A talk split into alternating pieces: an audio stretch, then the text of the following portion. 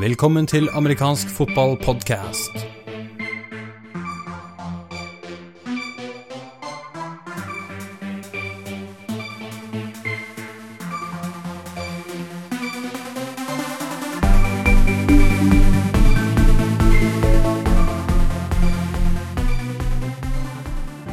Velkommen til episode 19 av amerikansk fotballpodkast. Programleder for dagens sending er Patrick Hamnøy.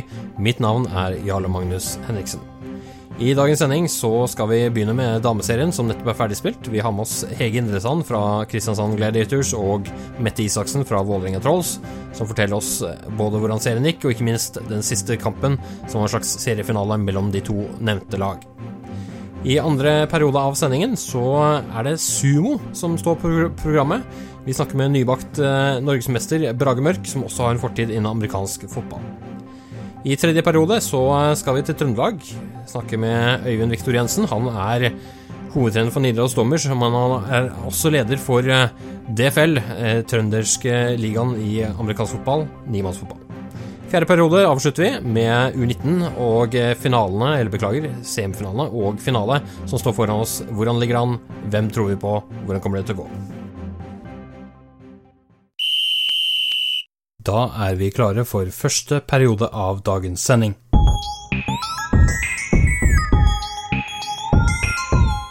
Og velkommen tilbake til amerikansk fotballpodkast.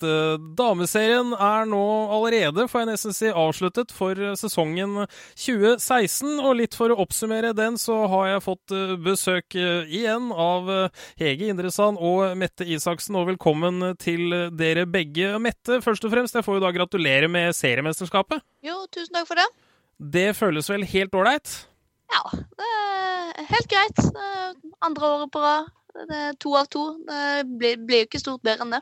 Det gjør det ikke. Og Hege, det er jo ikke så lenge siden vi snakket sammen og vi gira litt opp til sesongstart og det ene med det andre, men plutselig, knips, så er det, så er det ferdig. følelse sånn for dere også? Ja, ja det, det, er, det er jo det er raskt. Men du vet, den høstsesongen Nå har vi hatt en kjempe, kjempefint vær.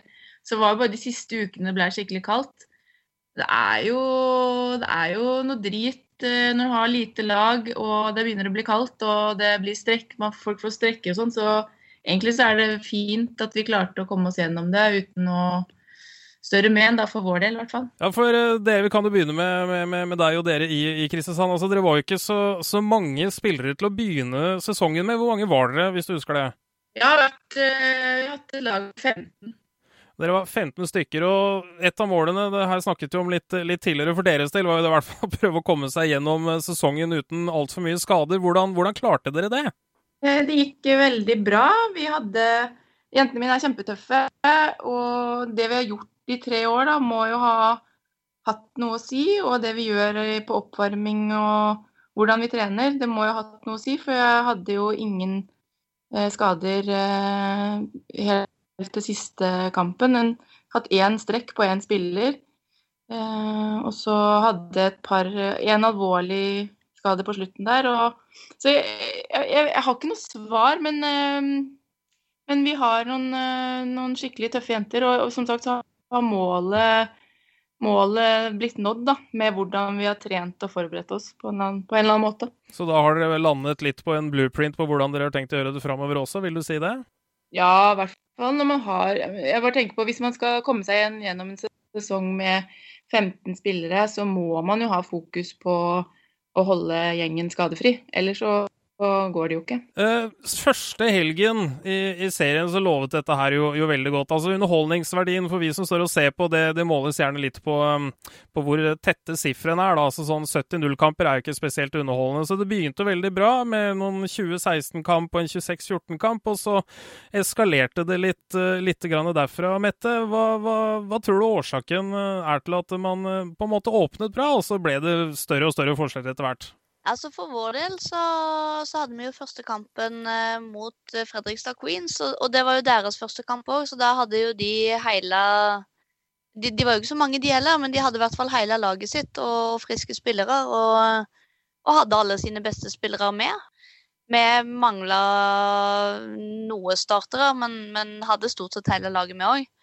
Eh, men det var en, en, veldig jevn og fin kamp, og, og, det var en morsom kamp å spille. Og det var jo Queen som tok ledelsen, og, så det ble jo skikkelig spennende. Og så møtte vi Haugesund helga etter, og da ja, Jeg får vel få lov å si at da var vi et mye bedre lag. Eh, så da ble jo stillingen deretter. Men eh, litt uh, for å ta opp dette her med, med Queens, altså, det er jo overhodet ikke noe, noe, problem de er alene om. For det har vi jo sett litt gjennom alle seriene nå gjennom uh, Spesielt nå på høsten har det vært litt tydelig at lag ikke klarer å, å gjennomføre kamper. Altså, hva, tror, hva, var årsaken til at Queens ikke kunne spille bl.a. kampen mot, mot Vålerenga Trolls? De har vel sagt det at det var spillermangel. så Eh, det ble vel noe skader i, i, den kampen mot oss, og så ble det vel enda flere skader nede i, i Kristiansand, etter som jeg har forstått. Og da, og da klarte de da ikke stille nok spillere til, til kamp nummer tre eh, mot oss, da. Og det var jo fryktelig kjedelig for oss, selvfølgelig, som gikk fra fra fire oppsatte kamper til tre, som jo er fryktelig lite på en sesong. Det blir, det blir lite, og det blir veldig synlig når det ikke er altfor mange kamper i, i, utgangspunktet. Hege, du som er litt opptatt av utvikling og osv., hvilket dere for så vidt begge er, da, men Uh, vi har jo diskutert, jeg og Jarle Magnus, litt dette her, man skal begynne å stille litt krav til at du skal ha et visst antall spillere før man eventuelt melder på et lag til en sesong. Sånn, har du noen umiddelbare tanker om et sånt opplegg? Nei, ikke noe sånn at uh, det skal være krav, men jeg syns det er en interessant eh, problemstilling å spørre seg. Eh, meg og Mette satt jo og jobba med det her forslaget som vi har snakka om før, hvor vi ville foreslå et, et nytt type serieoppsett. Fordi jeg mente at eh, det serieoppsettet som vi hadde satt i gang fra i fjor, med seks kamper på åtte uker i nimannsfotball, så ville jeg hatt 35 spillere på laget for å kunne gjennomføre det bærekraftig og konkurransekraftig i mitt hode, da. Det, så det, da, kommer jo jeg på et nummer med antall spillere. Fotball er fotball. Du er nødt til å ha dybde hvis du skal komme deg gjennom en, eh, en hard sesong. Eh, og du ser jo det med 15 spillere, så er du, du er så sårbar. Det er, det er, veldig sårbart. Men om vi da eventuelt eh, hvis jeg, kan, jeg skal komme til dere begge, nå kan vi begynne med deg, Hegge. i forhold til Nå er det da andre fulle, gjennomførte sesongen med organisert damefotball tackle i, i Norge. Hvordan, hvordan syns du nivået har vært i år, hvis du ser tilbake på, på året før? og Nå spiller du sjøl, altså helt objektiv kan ikke forvente at du er, men hva, hva er inntrykket ditt? Jeg syns det er eh, en eh, stor utvikling fra i fjor. Eh, jeg ser det bare på spillerne mine. Jeg er jo fortsatt litt trener, så jeg kaller de jo spillerne mine, selv om de også er lag, lagvenninner, holdt jeg på å si. Men jeg ser en enorm ut utvikling i forståelse. Og det at uh, special teams gjennomføres bedre. Um, det var jo veldig spennende i finalen nei, ikke, Eller det som egentlig ble en slags seriefinale, da. Mm. Um, mot Troll så fikk vi første field goal for, uh, i kvinneserien noen gang. Hey. Ikke sant? Det er sånne ting. Uh, ikke sant? Så det, det, er jo det er en kjempe Jeg syns det er en kjempeutvikling. Eh, hardere, hardere kamp utpå der. Eh, jevnere i, i, over det hele mellom laga. Så jeg syns det du, du, merker det. Du merker det på alt, egentlig. Så det lover godt, Mette. Hvis jeg kan spørre om, om ditt inntrykk. da Nå også har jo du spilt i de to sesongene som har vært. Eh, hvordan syns du utviklingen har vært, eller eventuelt ikke vært? Jo, jeg er for så vidt enig med Hege. Altså, det har blitt jevnere sånn mellomlaga. Det var jo I fjor så var det vel alle utenom én kamp var jo shutouts. Og i, i, år så har det jo da blitt ja, to, to av sju eh, spilte kamper har blitt shutouts. Men, men eh, har, begge lag har fått poeng, og det har vært litt mer spennende kamper.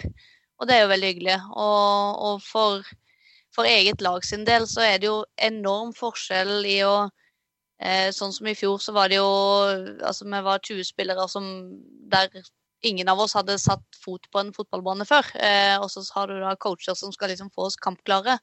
I år så har vi jo Store deler av laget har spilt fotball før. Og da, jo, da kan en legge det på et helt annet nivå taktikkmessig og ja, fotballmessig, da. Og det kan man da plutselig begynne å bygge på noe, istedenfor sånn som du sier, å, å, begynne på nytt igjen. Men uh, på snakk om det, nå er det jo ti måneder til neste seriekamp skal spilles i damefotball i Norge. Mette, hva er, hva er planene for din klubb Vålerenga Trolls nå for 2017? Ja, nå henger jo alt litt i lufta i og med at vi ikke vet hvor vi skal trene og ikke vet hvor vi skal spille kamper. Men nei, altså, vi håper jo at det blir et nordisk mesterskap i år òg, sånn som det var i fjor. Det har vi ikke hørt noe om ifra, ifra forbundet ennå, men vi håper jo det. Og hvis ikke, så så må vi få til i hvert fall en treningskamp eller et eller annet på våren, sånn at vi har noe, noe å se fram til. For det, det blir fryktelig lenge til neste sesong. Men eh, nå går vi inn i offseason-modus og fokuserer på styrke og kondis eh, en stund framover. Og så får vi se hva som skjer utover våren. Da. Og du Hege, som uh, bruker å ha en, en, finger i det, det, meste sånn sett, er det um, Kommer det til å bli noen camper til neste år, sånn som dere hadde i år? Uh, jeg tror uh, Jørgen legger seg nok på Det er han sportslige sjefen vår i forbundet. Eh, som han sier. Eh, Benstad Johansen. Han eh, har nok han har lag, lagd seg et årshjul på, på utviklingsleirer og camper. Meg og Mette og han vi snakka jo veldig mye om det med dameutviklingscamp. Og jeg håper og tror på at vi kommer til å se det sånn hvert år, altså. Det, det har jeg trua på. Men så har vi også den her eh, Women's World Football Games, som skjer i, i, USA, i Miami, tror jeg det er i år. Og i år har de flytta den Det arrangeres nå for fjerde gangen, og det er eh, i slutten av januar. Uh, og der håper vi jo fort, Det er jo en sånn gøy ting å, å finne på midtvinters i Norge. Eh, så der håper jeg Gladiators, vi håper å sende en del folk dit da, og dra, dra dit som lag. Så vi får ha litt sånn uh, gulrøtter foran, uh, foran uh, folk i denne offseason-fasen. Er, er, er, det noe som alle kan melde seg på? Altså Hvis du spiller damefotball i Norge, så kan du bli med på den? Absolutt. Men da satser vi på at det eventuelt kommer litt mer info om det seinere. Uansett eh, så er det nå vel fortjent med et par eh, solide uker med pauser før offseason og alt kicker i gang for fullt. Tusen takk til dere begge, og på gjensyn. Takk for det. Takk for det. Da er første periode over, og vi er klare for andre periode.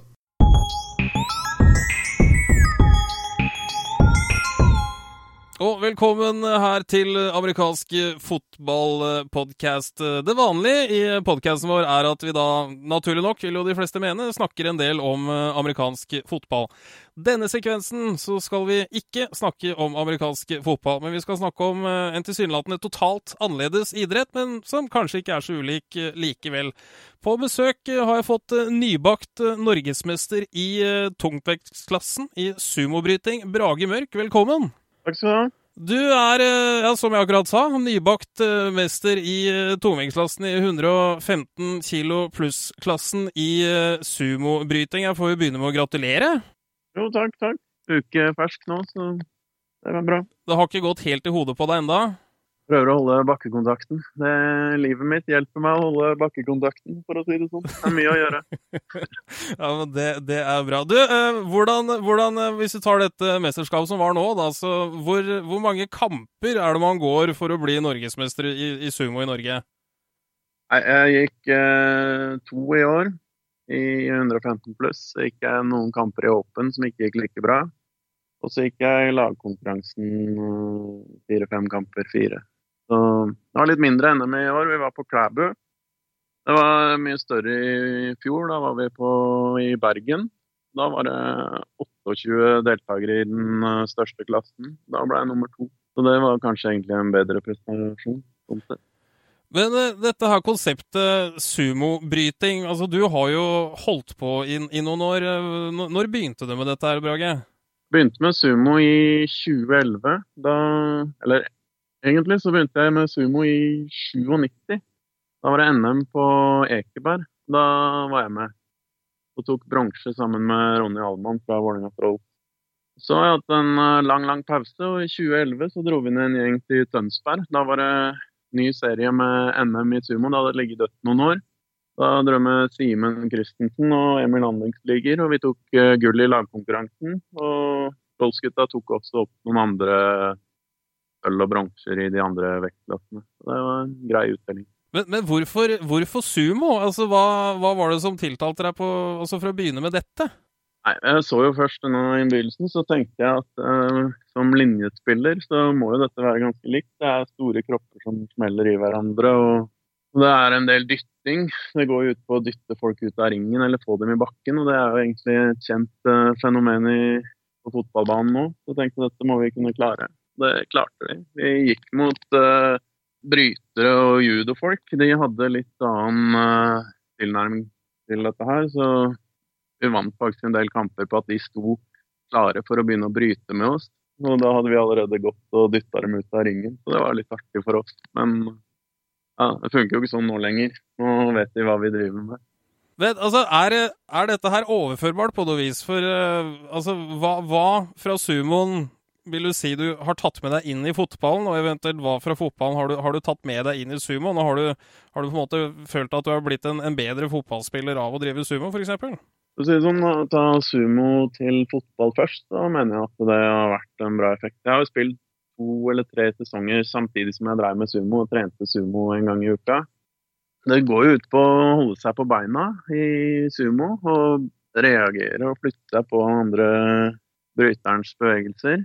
Og det er jo veldig overførbart til fotball. Det med balanse og utnytte andre fyrens ubalanse, det, det vil jeg si jeg har tatt med meg. Det har hjulpet meg på fotballbanen. Jeg har dessverre slutta med fotballen, da, men uh, jeg hadde nok fortsatt hatt uh, glede av det, ja. Hvis jeg hadde brukt mine nye skills. ja, men nå har du for så vidt en anstendig karriere å se tilbake på da du rakk å spille 20 sesonger før du ga deg i fjor, var det vel? Ja, i fjor var vel siste Det ebba ut med litt annetlagskamper for å fylle opp på linja. Det er ikke så lett å fylle et helt annet lag også med linjefolk. Så da var jeg med en liten tur eller tre. Men uh, dette her med, med, hva skal si, historikken til uh, sumobryting i Norge og, og, amerikansk fotball, den er jo egentlig ganske mye tettere linket sammen enn det, enn det mange har inntrykk av. For så vidt jeg husker, så var det vel en del amerikanske fotballspillere som var med å dra i gang dette her eh, når du begynte da første, første gang i, i 1997. Um, ehm, stemmer det? Jeg mener 97 var det første året de arrangerte NM i sumo. Da var vi med Ronny Allmann, eh, defensiv linjespiller fra Trolls. Han var med. Jeg vet ikke om det var samme året, men i hvert fall ganske tett etterpå. Så kom Hans Olaf Borg fra Tønsberg Powers, het i dag. Det var også med en svær gjeng fra Viking. Jeg vil si at uh, i 97 så var vel kanskje en tredjedel av deltakerne med fotballbakgrunn. Og bryting og rugby og, Nei, ikke rugby, men uh, bryting, judo og andre idretter som hadde lyst til å prøve seg. Ronny Allmann og han, uh, Hans Olav Borg de dro det jo langt. og har reist verden rundt som sumobrytere. De har brytt i Madison Square Garden.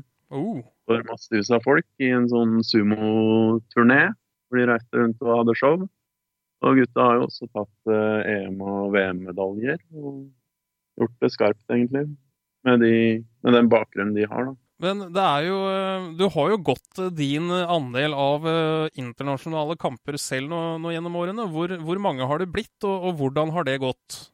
Jeg har hatt to nivåer. da. Jeg har hatt EM, som er Der ligger på et veldig høyt nivå mange av disse EM-gutta vinner jo kamper mot uh, mongoler og japanere når det er uh, VM. Det er flinke folk. Det har blitt litt sparsomt med seire. Jeg, fikk, jeg har fått kjeksa ut én kar kanskje på ti kamper. Men så har jeg vært med i to uh, internasjonale turneringer. Da. Der har jeg vunnet ca. halvparten av kampene, så da har det gått litt bedre. Men det er et stykke opp til toppen ennå. Men den gjengen jeg trener med, vi ja, nei, vi vinner, vi vinner, jo faktisk av og til noen kamper, da. Men det er vanskelig å plukke medaljer med å vinne en kamp eller to i løpet av et, eh, i løpet av en, eh, i løpet av et EM. Men med det norgesmesterskapet som du har fått med, deg, fått med deg, nå, så kvalifiserer det for noen videre konkurranser internasjonalt nå i, i nærmere framtid? Vi har mulighet til å bli med på EM i Georgia, i Tbilisi, i april til neste år. Det vurderer vi om vi skal dra på. Det er jo et stykke bort dit, og det koster jo penger og Man ja, trenger jo en del, del trening hvis vi skal klare å hevde oss der borte. Så jeg vet ikke helt åssen vi gjør det ennå. Ja, vi skyver litt foran oss. Det er jo fortsatt et halvt år til. Det er et halvt år til, men det går jo for så vidt fort. Kan jeg spørre hvor ofte, altså hvilken klubb bryter du for, og hvor ofte trener dere? Jeg bryter jo for Vålerenga Trolls eh, fortsatt. Jeg er jo Trolls eneste aktive sumbryter for tida. Vi har faktisk hatt med et par, eh, tre-fire stykker eh, de siste par-tre åra også, på NM. Eh, Vi trener på Lambertseter en gang i uka. Vi trener hver onsdag. Det er en gjeng på åtte-ti stykker som er der ca. hver onsdag står på. Det er folk fra judo og bryting, og faktisk en fra wrestling òg. Så alle finner sin eh, i sumo, vil jeg si. Jeg har jo også inntrykket, du sier at alle finner sin, sin plass i, sumo. Um, Det er jo en del forskjellige kroppstyper som er med på dette. Altså Du konkurrerer jo i tungvekt, men du er jo en ganske høy mann. Du nærmer deg jo to meter og veier vel en rundt 130 ca. Er det sånn cirka riktig? Jeg har jo slimma litt ned nå, fordi jeg har innsett at eh, 115 pluss det er en vanskelig, vanskelig vektklasse å fylle. I eh, EM så har jeg møtt folk opp til eh, 240 kilo. Og de fleste veier fra 140-50 kilo oppover. Jeg valgte å gå ned da, til 115 hvis jeg skal utenlands. Så jeg prøvde det for første gang i år. Så har jeg gått litt opp når det har vært eh, NM. Men er det en fordel å være så høy som det du er innen sumo? Det er fordeler og ulemper. Jeg har litt eh, lengre rekkevidde, så jeg, i beste fall så klarer jeg å dytte folk vekk fra meg uten at de har sjanse på å nå meg. Men så er det også det med å være akkurat som på linja på fotballen, så er, gjelder det å være lavest mulig av og til òg, for å komme innunder. Da sliter jeg jo litt. Så det er fordeler og ulemper med alt. Hvis vi har noen linjespillere som hører på dette, er det altså primært linje, men alle andre også som har lyst til å, til å kanskje prøve dette med, med sumo, hvor, hvor skal de henvende seg da, hvis vi da tar Oslo-området hvor du er tilhørende? Vi er på, Foreløpig så er vi på Lambertseter eh, bryteklubb sine lokaler oppe på Lambertseter. Der er vi hver onsdag nå fra halv ni på kveldene. Men eh, på onsdagskveldene. Men det er jo bare å ta kontakt med meg på Facebook, eller eh, Ja, det skulle vel ordne seg, det. Vi har også en side på Facebook som heter Sumovenner i Norge. så Der òg er det mulig å ta kontakt hvis man har lyst til å prøve. Og alle er velkomne. Da skal vi se om det er noen som hører på dette her som eventuelt får eh, lysten eh, over seg. Sånn eh, helt avslutningsvis de, de draktene deres, da, eller skal vi kanskje si mangel på drakter, er det, er det pålagt kun den, eller kan man ha noen under for de som er litt mer kremt beskjedne? Uh, ja, nei, i, e, i EM og VM så kjører vi kommando. Nasjonalt har vi, og på trening så bruker vi undertøy. Det er jo litt uh, mer renslig òg, for å si det sånn. Litt mer renslig og kanskje også litt, eh, litt estetisk for, for tilskuerne også. Men uh, så må jeg bare si tusen hjertelig takk, Brage. Dette var uh, kjempeinteressant. og Da ønsker vi deg lykke til med videre subokarriere. Og så spennende å se hva du lander på om du velger å konkurrere internasjonalt. Men uh, uansett, eh, tusen takk for at du kom. Ja, takk for at jeg fikk komme. Andre periode er over, vi er klare for tredje periode.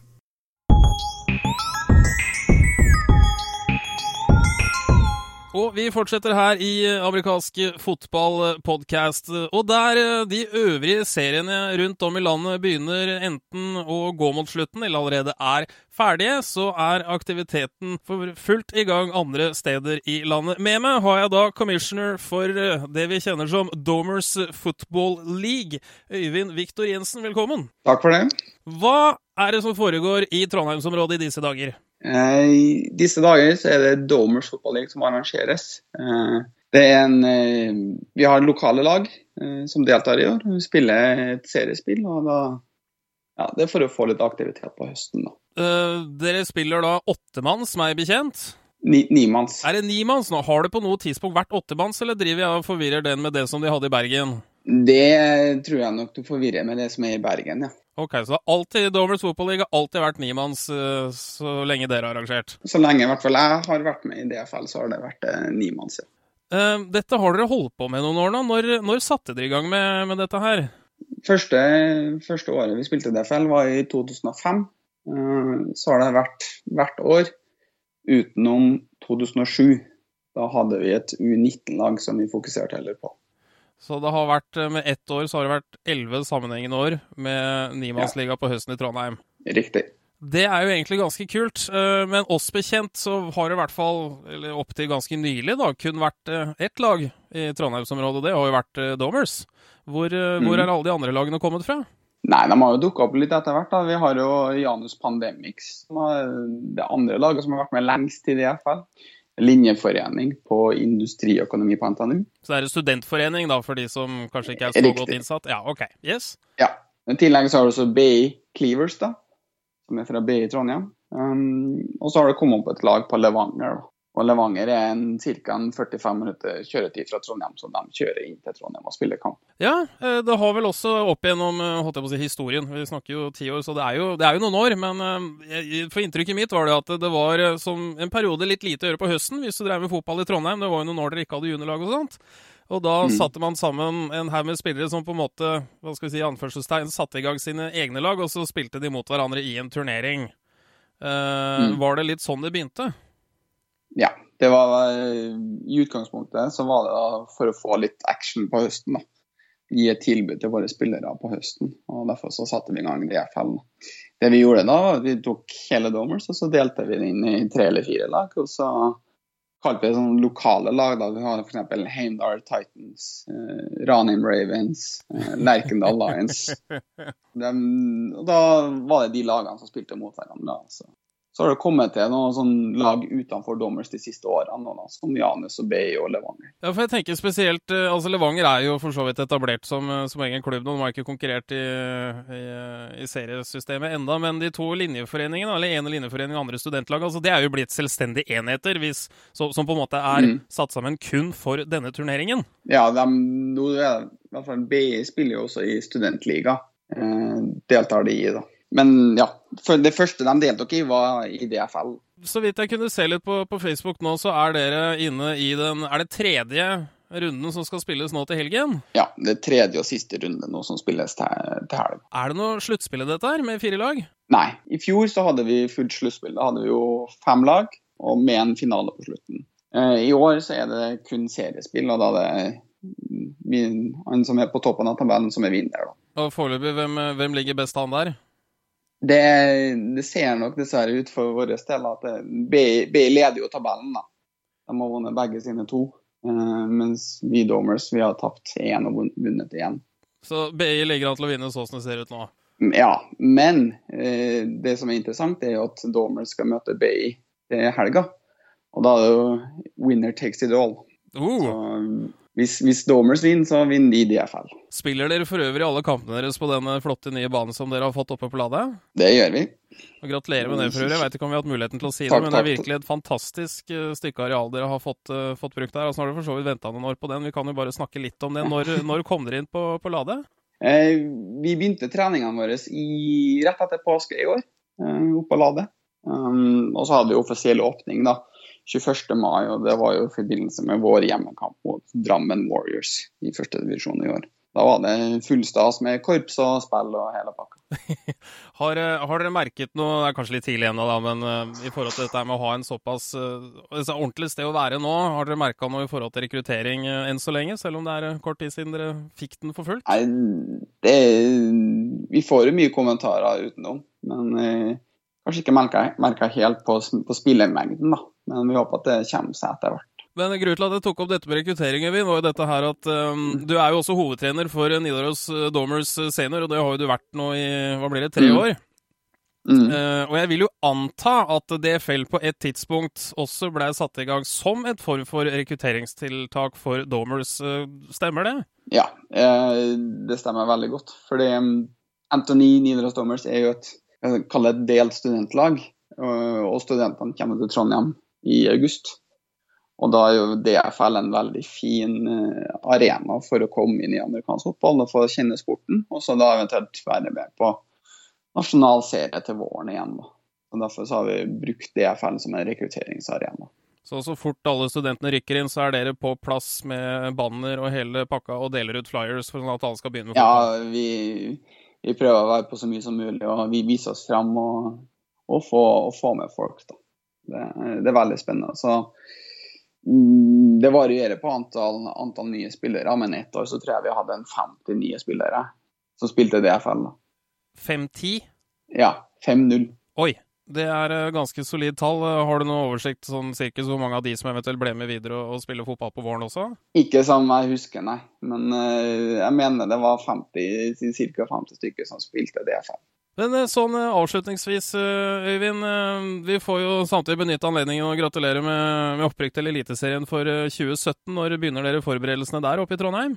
Nei, det er egentlig rett etter, rett etter DFL. Altså, det, det vi prøvd å legge en plan for, er at vi må komme oss litt inn i styrkerommet da, og begynne å trene styrke til Eliteserien. For det vil jo bli mye tyngre enn i første divisjon. Og så Det er jo litt, det er litt sånn ekkelt med studenter og eksamenstid i, desember. Så det, men så fort det er over, så er vi tilbake på banen igjen og trener teknikk og lagspill og hele pakka.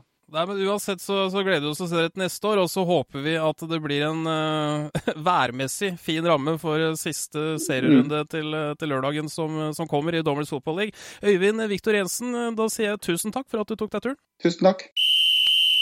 Tredje periode er over, vi er klare for fjerde og siste periode.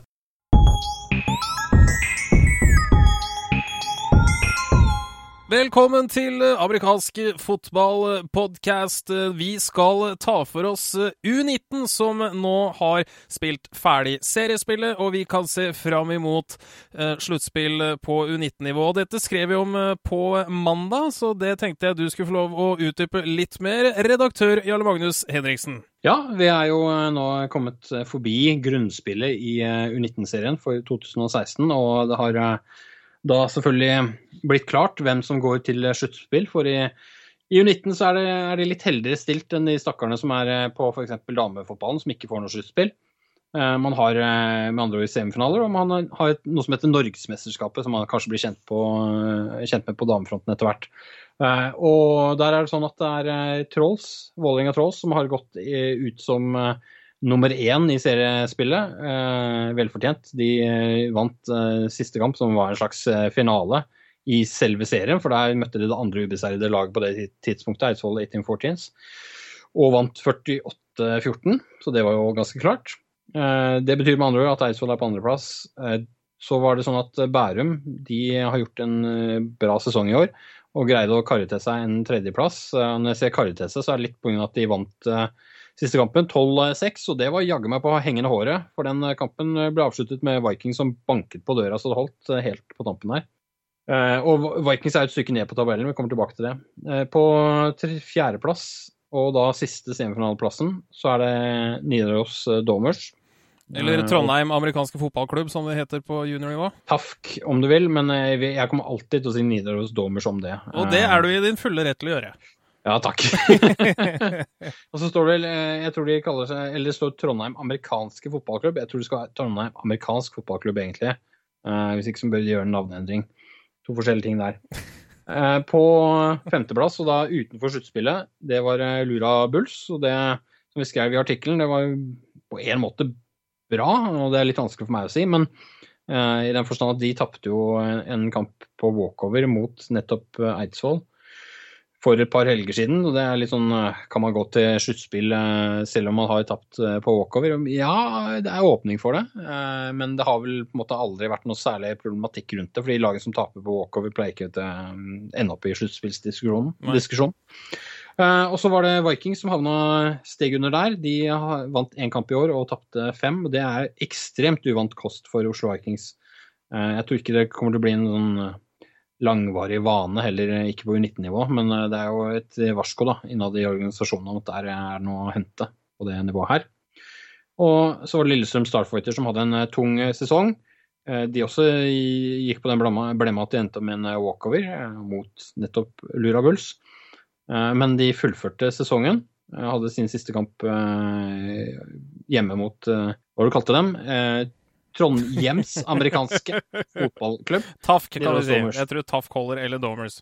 Men på snakk om eh, Ja. Tafk, da, for at eh, en av de absolutt eh, eh, hva skal vi si, kampene som det var mest spenning rundt i, i helgen som var, så var jo det da nettopp kampen mellom Trondheim amerikanske fotballklubb og Lura Bulls, som i hvert Mm. fall poengmessig kunne være med å avgjøre hvem som kunne komme seg til sluttspill, sånn i teorien i hvert fall. Ja, og det var ikke minst så var det spennende underveis. Du var, du var til stede på, på kampen mellom eh, Mm. Tafk og, og Lura Bulls. Hva, hva er dine inntrykk av lagene etter å ha sett dem nå live i helgen som var? Ingen av dem er topplag. Eh, At Domers har et eh, angrepsspill som er spennende å se på fordi de har en quarterback som kan kaste. De har en backup som kan kaste òg, for den saks skyld. Men når, han, eh, når backupen er inne på QB, så mangler den beste receiveren. Eh, Kanskje et eh, ikke helt uvanlig trekk for noen dag. Og så lenge de har den kombinasjonen med, med QB-en til eh, den beste receiveren, så er de farlige offensivt. Så det kommer til å holde dem i live også eh, i en semifinale. Hvis de skal vinne der, så så må det slå til, kombinert med at de må gjøre noe mer i forsvaret. Det må være sterkt eh, og sterkere enn det har vært mot løpsspillet spesielt. Lover det godt for fremtiden til da Nidaros Stormers som klubb, etter det du har sett på, på U19? Ja, primært fordi quarterback-posisjonen er en posisjon som det er vanskelig å, å finne gode spillere som, som man greier å gjøre gode, eh, og som blir værende over tid. Og de har også da to som begge kan bekle den eh, posisjonen. Eh, Så, så det er kanskje et veldig viktig poeng for eh, dommers sin del, at hvis de kan holde på de to, som også da kan drive hverandre fram, så, eh, så har de noe som kan eh, bli veldig bra over tid. Nå vet vi at eh, U19 og U17 og altså spillere som er på de nivåene, noen av de ender opp på senior, noen av de ender opp på senior over lang tid, og mange av de ender opp på senior i veldig kort tid. Fordi det er noe som heter livet som skjer.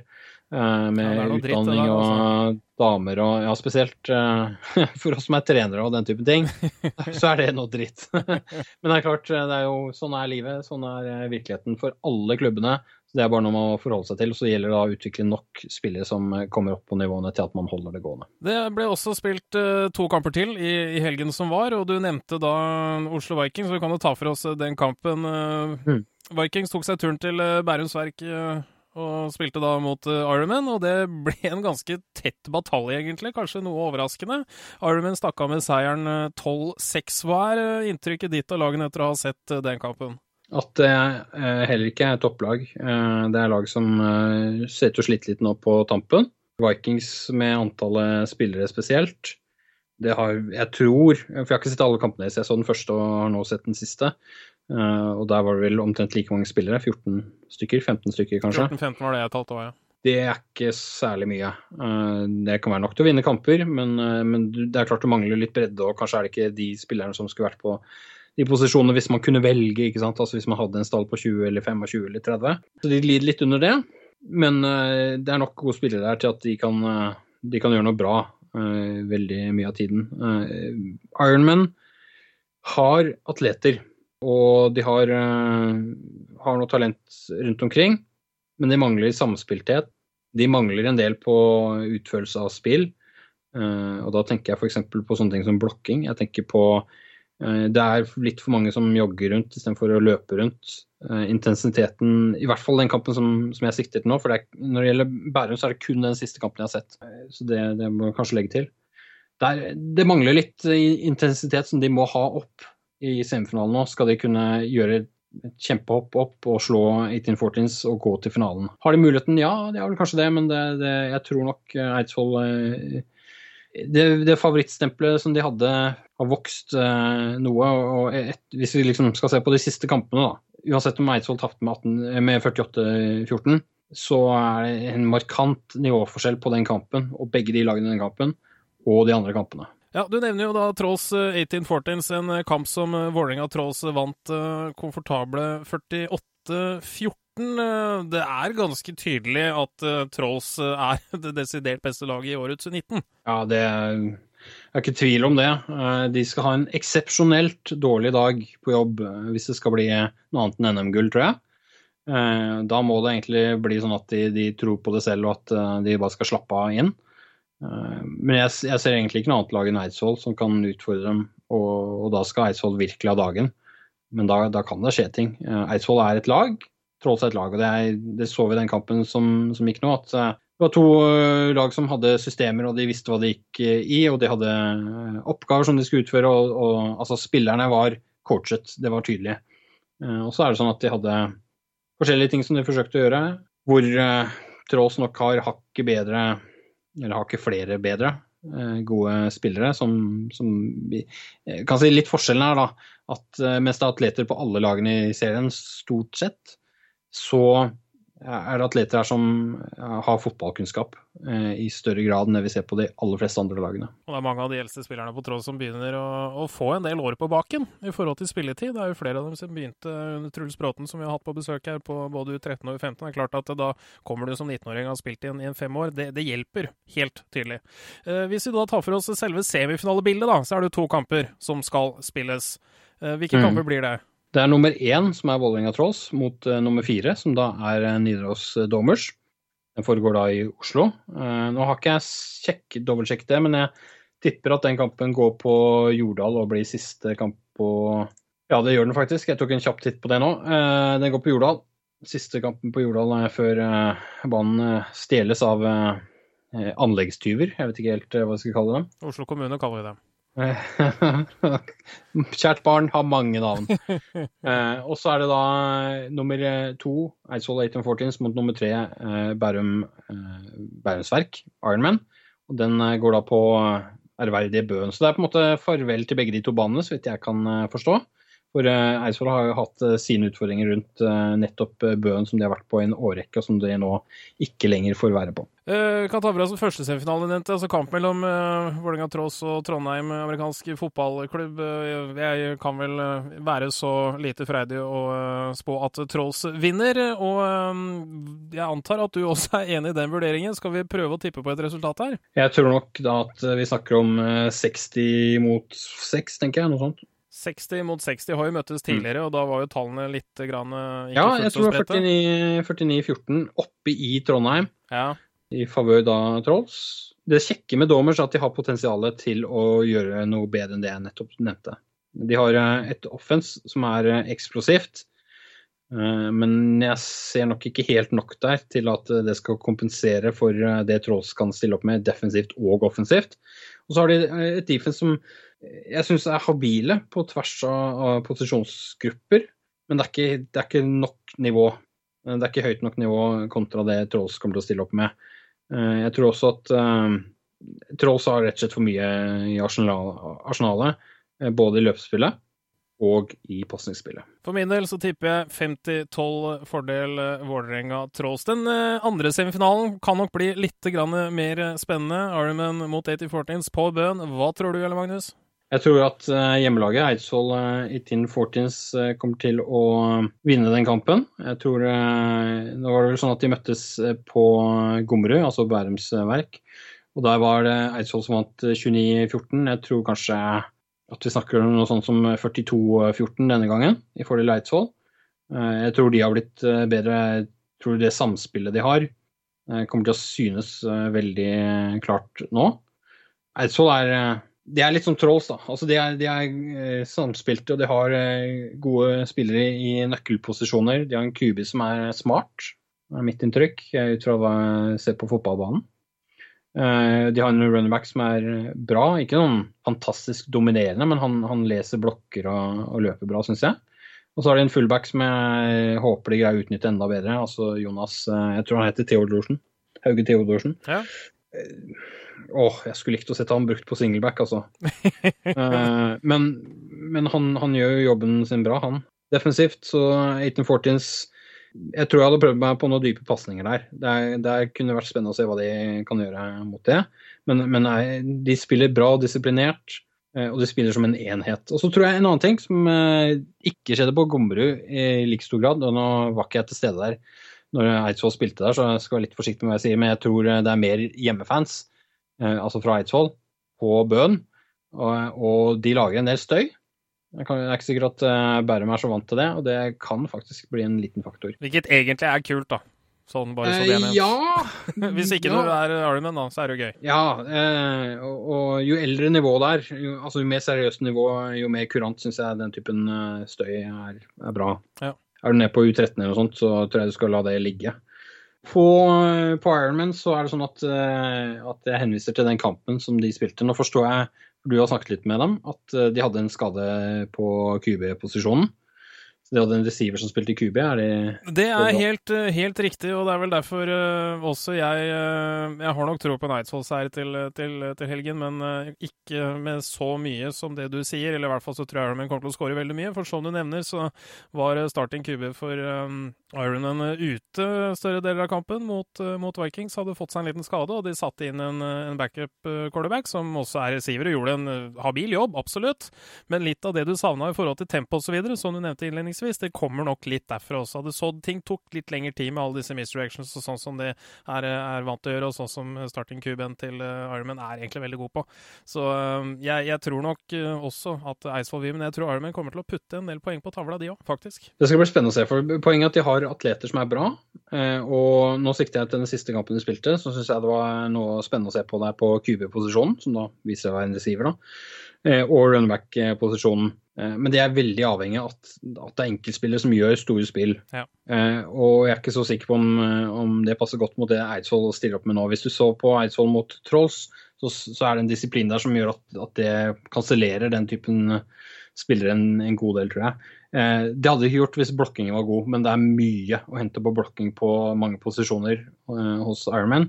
Da, da, tenker jeg spesielt på offensiv linje, og jeg tenker på receivere. Receiver, ja, eh, der, er det, der er det ting å hente, altså. Eh, og så er det sånn at uh, Hvilken kube er det de bruker? Uh, har de han som de hadde i forrige kamp, så kan han kaste, men det er liksom ikke noe styrke. Det, ikke, det, det tipper ikke deres favør, tror jeg.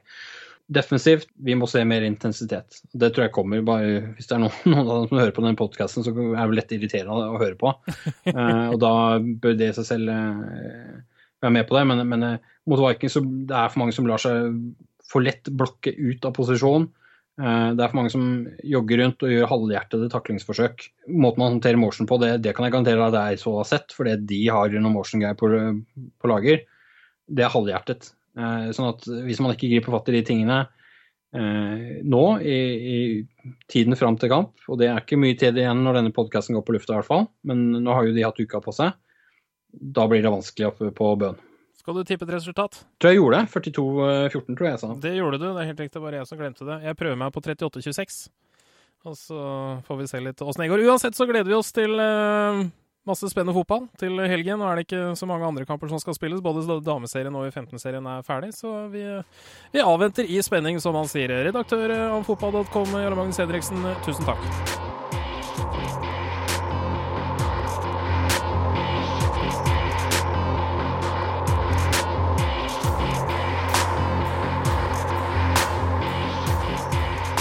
Amerikansk fotballpodkast er over for i dag. Vi takker for følget. Følg gjerne med på amfotball.com, så høres vi snart.